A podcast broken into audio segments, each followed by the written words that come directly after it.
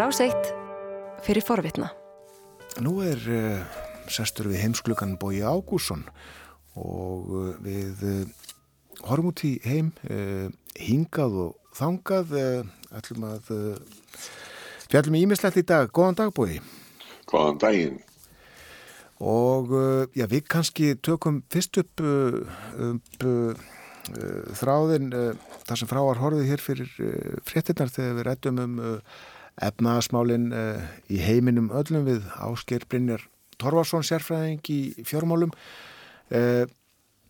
yfirmaður efnaðasmála hjá Europasambandinu kom fram með nýja skýslu eða spá eða ja, hvernig orðu við það í gerð? Já, þetta er ný spá Europasambandsins þar sem að Paolo Gentiloni uh, sem er hann fer með efnaðarsmáli í framkvæmd og stjórn Európusambansins, hann kynnti að var dökkar horfur og að sjálfsögðu vegna farsóttarina. Já, já, við erum í rauninni að halda áfram það sem að Skilbrinni Þorvarsson var að, að það sem hann slefti eh, rétt fyrir uh, átta og þetta hefur hann um það meira mál og meira vita á fjármálum heldur en að svo sem hér talar en ég get þó vittnað í það sem að sagt hefur verið. Já.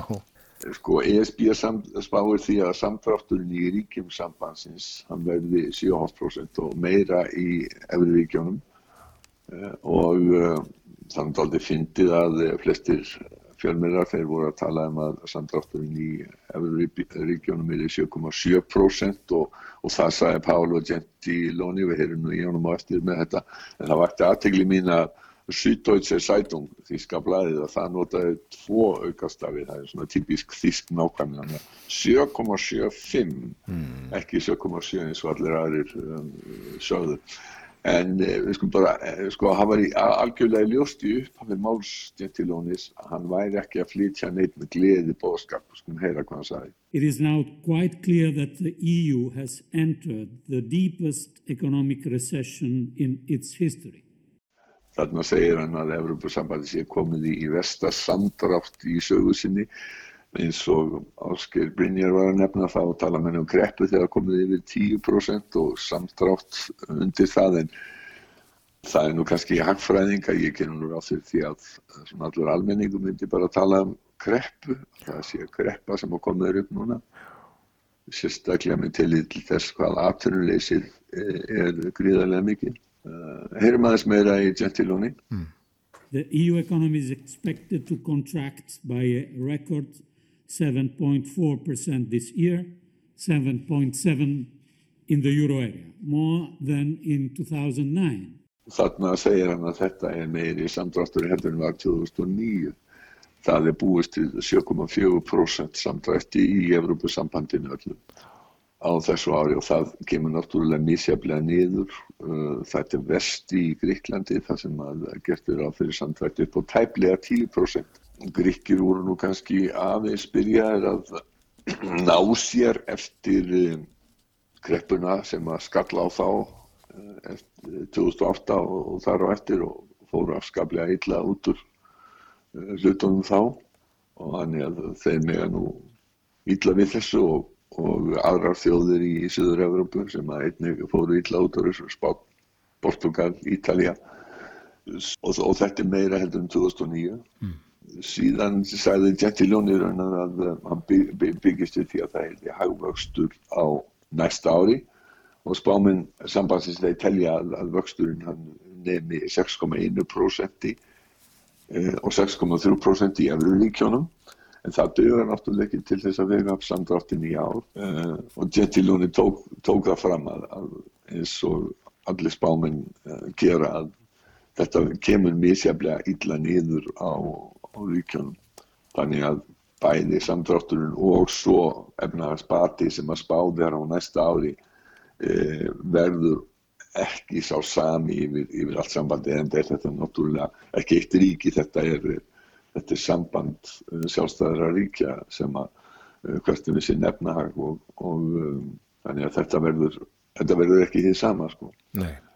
en svo, svo, svo er það sem að hérna, það skiptir máli í þessu líka og það er uh, það sem að Áskil Brynja talaði líka um sko, þegar peningar eru prentaðir þá er hætta á verðbólgu en svo hætta þó að uh, peningapöntunar maskínur ríkistjórna og Sælabanka Európu séu alveg á fullu núna að þá er ekki hætta á því og það segir uh, Pálo Gentiloni sem við skulum þeirra núna.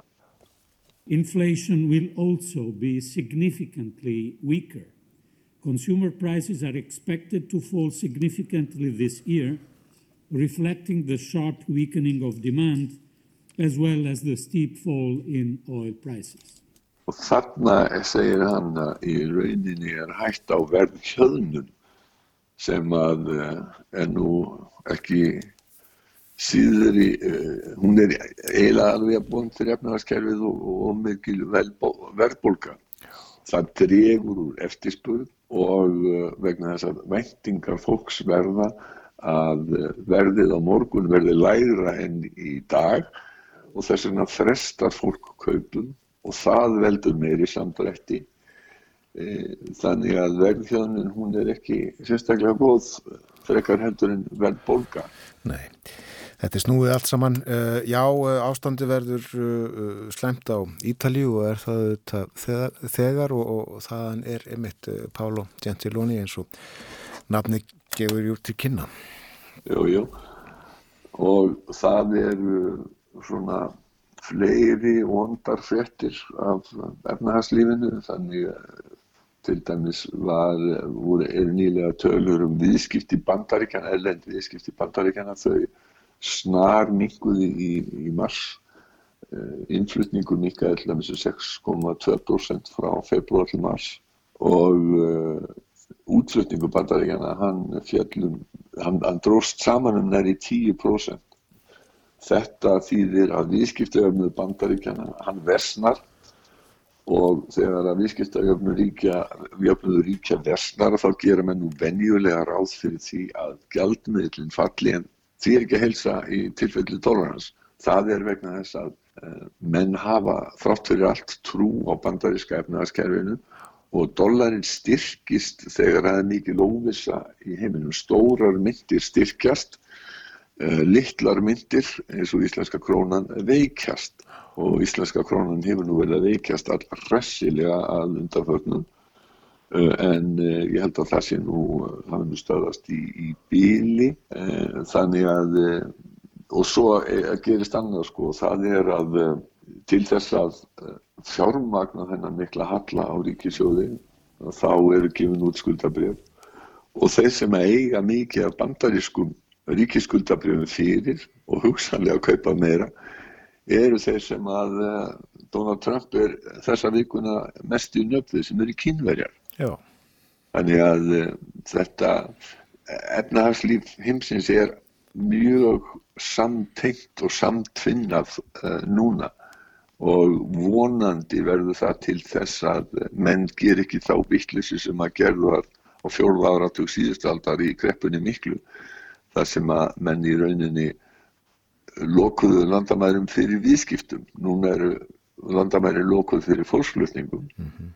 og svo ég skjóti því að þá sá ég það líka á Damarsrættjó núna í morgun að þá vill Mette Freyersen fórsættis á þeirra þar, hún er í viðræðum við, við alla flokka um, um hvernig ég að opna landið að nýju og halda áfram að opna landið að hún vil ekkert ræða um það hvernig það er að opna landamærin. Þannig að einhver hefur haft í huga að fljúa til Kaupanafnar innan til, eh, núna á næstum dögum að þá verður það náttúrulega ekki. Eh, svo er ástandið í Englandi sem að náttúrulega sagði sig úr Európa-sambandinu, það er enþá vera. Þar gerir Englandsmakir á þeirri 14% samtvætti eins og heyrðist í 14 klukkan 8 og uh, það er við skulum ekkert vera að nota þetta orð sko, en það hefur ekki gerst í morgundur ár að svo mikil samtráttur hafi verið að ég maður rétt að þá var ástalið 1706 nefndi í 14. hjá okkur á hann. Hugsið ykkur.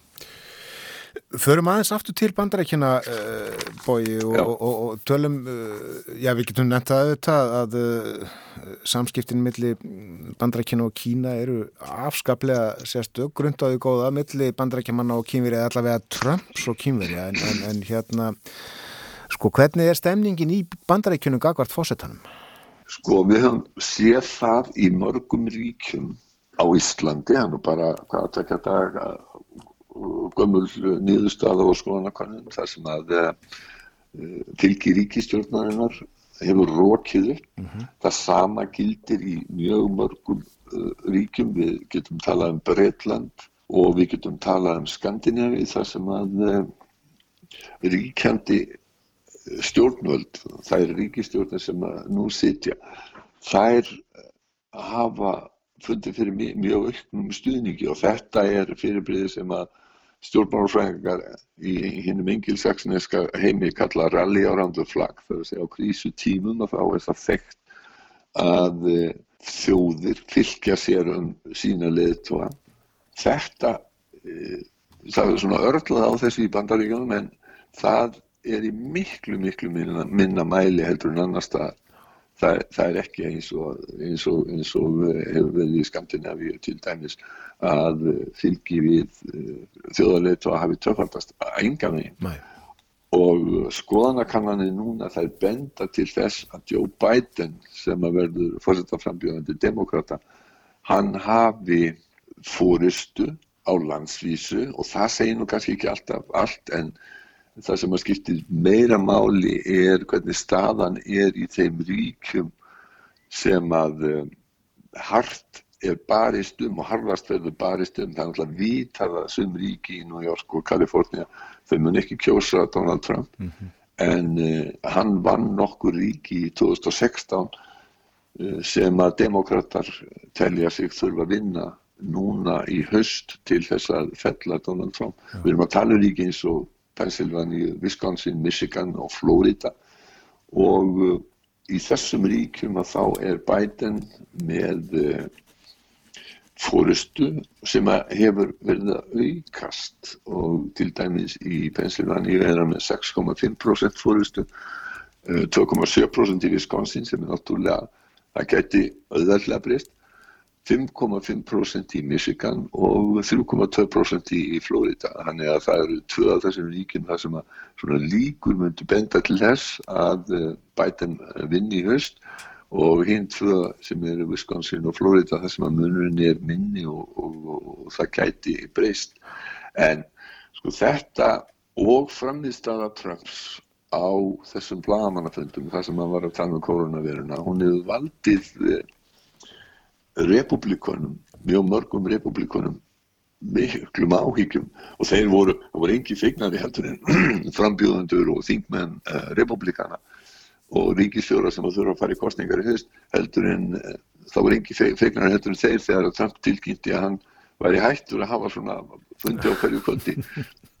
Vegna þess að þeim leist ekkert á blíkuna þegar að Trump hérna, fór að tala um sko útfjólubla og geysla og sóttrinsefni sem að koma í gegnum húðin á fólki eða spröyta í fólk svona bara til þess að muna það hvað hann sagði og sko heyra aðeins hérna hvað hann sagði á þessum fræga bladamannafundi So supposing we hit the body with a tremendous uh, whether it's ultraviolet or just very powerful light and I think you said that hasn't been checked but you're going to test it And then I said, supposing you brought the light inside the body, you can, which you can do either through the skin or uh, in some other way. And I think you said you're going to test that too. Sounds interesting. Right, folks who could. Right, and then I see the disinfectant where it knocks it out in a minute, one minute. And is there a way we can do something like that uh, by injection inside or or almost a cleaning? Because you see it gets on the lungs and it does a tremendous number of the lungs, so it'd be interesting to check that, so that you're going to have to use. Þetta er fórseti bandaríkjana? Þetta var fórseti bandaríkjana og það er uh, kannski ekki furða að uh, það hafi verið, að menn hafi hugsað sinn gang þegar að, uh, þegar að hann let þetta út af sér og svo reyndi hann að draga í land og segja að hann hafi verið að, að hérna, Já, það kom ímsa skýringar og meðal annars að hann hefði verið að segja þetta kaltænislega við blagamenn en hann var að horfa á einn af læknum sínum allan tíman og, og beina máli sínu til hennar þannig að þetta er náttúrulega bara, við skulum orða bara eins og það er, þetta er, þetta eru ósannindi og þetta er svona eina, einum ástafanu fyrir því. Mm. Ef við vikjum örstuðt aðeins að, að, að aðgerðum í Evrópu þá hefur það valdið miklum áhyggjum líka stjórnarskrárdómstól Tískarnas í Karlsruhe. Hann hvaði upp þann dóm núna í að það hefur verið að eh, skuldabrifa kaup Sælabanka Evrópu þau ættu sér ekki lagastóð í lögum Evrópusambansins þetta virka nú kannski ekkert óskaplega uh, mikilvægt en þetta gæti haft veruleg áhrif á það að þrengja möguleika Sælabanka Evrópu og Ríkistjórna Evrópu til þess að breyðast við koronaviru faraldrinum með því að breyta peninga. Og það, það verður yfirlítið eitthvað, eitthvað að frétta af þessu á, á, á næstunni. En mér, já, en mér, mér, mér langar aðeins að, að hérna, minnast á það að grannþjóður okkar í Evrópu hafa verið að minnast þess núna að það eru 75 ár liðin frá því að herrnámi þjóðveri lög og uh, það var til dæmis, við getum nefnt Danmörku, Holland uh, og Noreg og við skulum heyra, þetta er aldrei gaman að heyra tilkynninguna sem kom í BBC útsendingu til Danmörkur þann 4. mæ 1945.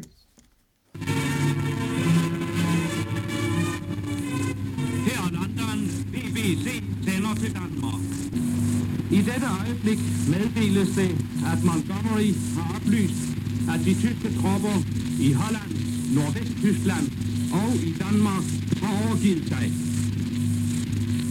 Her London, vi gentager. Montgomery har i dette øjeblik meddelt, at de tyske tropper i Holland, Nordvest-Tyskland og Danmark har overgivet sig. Það brutust að sjálfsögðu út gríðarlega fagnarlæti eh, þegar þetta var tilkynnt og Danir flyktust á, á götur út. Að, og, og þeir hafa núna verið að eh, halda upp á þetta, það hafi verið eh, margir þættir í útvarpi og sjónvarpi og mikið skrifað í blöð um þetta og uh, það er svona, það er dálítið lendurskoðun komin á þetta, menn hafa bent á að, að þetta, það sem að fyldi á eftir hafi verið blóðuðasti sólarhingur í sögu Danmarku Já. vegna þess að eh, ansbyttarhefingin og aðrir að þeir eh, fóru að hefna sín á samverka fólki þjóðverja og eh, margir sem að voru, voru vegnir og við náttúrulega vitum það að á þessum tímum þarna rétt eftir uppgjöf þjóðverja þá var íslenski rítumundurinn Guðmundur Kampan skotinn við vitum það líka núna og það hefur verið gaggrind mjög að uh, Danir til dæmis tóku upp afturvirk lög, afturvirka döðarefsingu og fjöldi manna að tekinn af lífi fyrir glæpi sem að voru ekki glæpir þegar þeir voru að fremja þá. Það er að segja, að þeir voru náttúrulega glæpir en, en, en döðarefsing var sérstaklega afturvirk. Hún hafi verið lögð af 1930 og var aftur tekinn upp 1945 og þetta er náttúrulega gerist í því andrumslofti sem að er eftir fimm ára hersetu sem að var uh, mjög hörð svona undir lokin mm -hmm. en hún var eins og er miklu harðar í Nóri heldur en að uh, hún var í, í Danmörku allan tíman og, og í Hollandi uh, líka og, og Belgíu og, og að við ekki um lönd austur-Evrópu þar sem að þjóðverðarnir náttúrulega fóru fram með, með, með, já, með ofbeldi sem að átti sér ekki sinn líka í sögunni og er náttúrulega ennþá vísa til sem uh, helfararinnar. Hmm. Og um þessi tímamót fyrir 75 árum fjallaði í uh, þessum löndum sem að þú nefndir og fleirum líklega samhliða því sem að réttir um uh, COVID-19 og, og það er hörmungur allar. Já, þetta er nú að vísu kannski aðeins ánægilegra og við skulum minnast þess líka að það eru 80 ára á sunnudaginn frá því að breytar hernámu í Ísland og og við ætlum að ræða við Guðmund Halldónarsson professor í, í speiklinum á morgun og svo að hafa litla frétt í, sjónvarpinu á sundaginn þegar 80 árið eru frá hernuminu. Ljómandi. Kæra þakki fyrir í dag, Bói Ágúrsson. Já, takk liðis.